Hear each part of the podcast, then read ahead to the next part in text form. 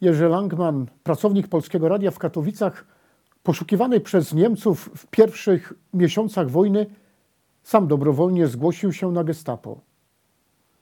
Przeżył ponad 4 lata strasznego obozu w Buchenwaldzie. Doczekał się wyzwolenia i został kapłanem.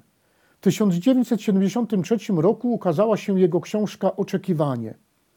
Wspominając swoją decyzję pójścia na Gestapo, przyznaje on, że popełnił wielki błąd ufając Niemcom. Jeden gest błędnego zaufania sprowadził na niego lata nieszczęść, całą potworność przeżyć w obozie zagłady. Tak się w życiu płaci za gest naiwnego zaufania. Zaufanie to oddanie siebie w czyjeś ręce. Jeśli człowiek źle obliczy, jeśli nie sprawdzi, nie rozpozna, jakie to są ręce, to może wkrótce z przerażeniem stwierdzić, że znalazł się w strasznych łapach, które go zniszczą. Najwięcej ludzkich dramatów bierze swój początek z nieprzemyślanego, naiwnego zaufania. Wystarczy jeden gest, a życie może być złamane na zawsze. Mądrość człowieka objawia się przede wszystkim w szybkiej orientacji, komu i w jakiej mierze można zaufać. Trzeba mieć odwagę, by, o ile to możliwe, uciec natychmiast, gdy tylko się zorientujemy, że ten, komu zaufaliśmy, nie jest nam przyjacielem, lecz wrogiem.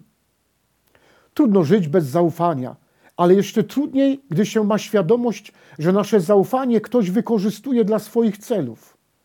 Niełatwo opanować sztukę mądrego zaufania. Po ludzku sądząc, jest to prawie niemożliwe.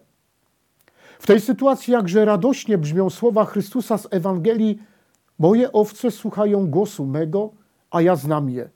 Idą one za mną i ja daję im życie wieczne. Nie zginą one na wieki, nikt nie wyrwie ich z mojej ręki. Oto jedyne ręce w stu procentach pewne, którym możemy całkowicie zaufać. Kochające ręce Chrystusa i kochające ręce Jego Ojca. Nikt nie może ich wyrwać z mojej ręki. O ileż mniej byłoby na ziemi łez, bólu, ran, gdyby ludzie potrafili zaufać tym Bożym dłoniom. W nich znaleźli, znaleźliby bezpieczeństwo, ale i ową mądrość potrzebną do współżycia z ludźmi, do okazywania każdemu tyle zaufania, na ile on zasługuje.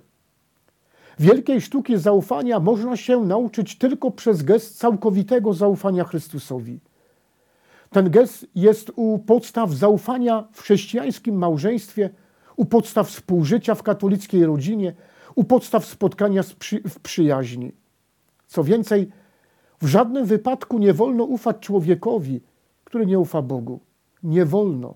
Jeśli bowiem nawet on sam nie jest nastawiony na zniszczenie, to zaprowadzi nas w ręce, które zniszczą. Zaufać komuś można w tej mierze, w jakiej dany człowiek wierzy Bogu. Im głębsze jego spotkanie z Bogiem, tym w większej mierze można mu zaufać.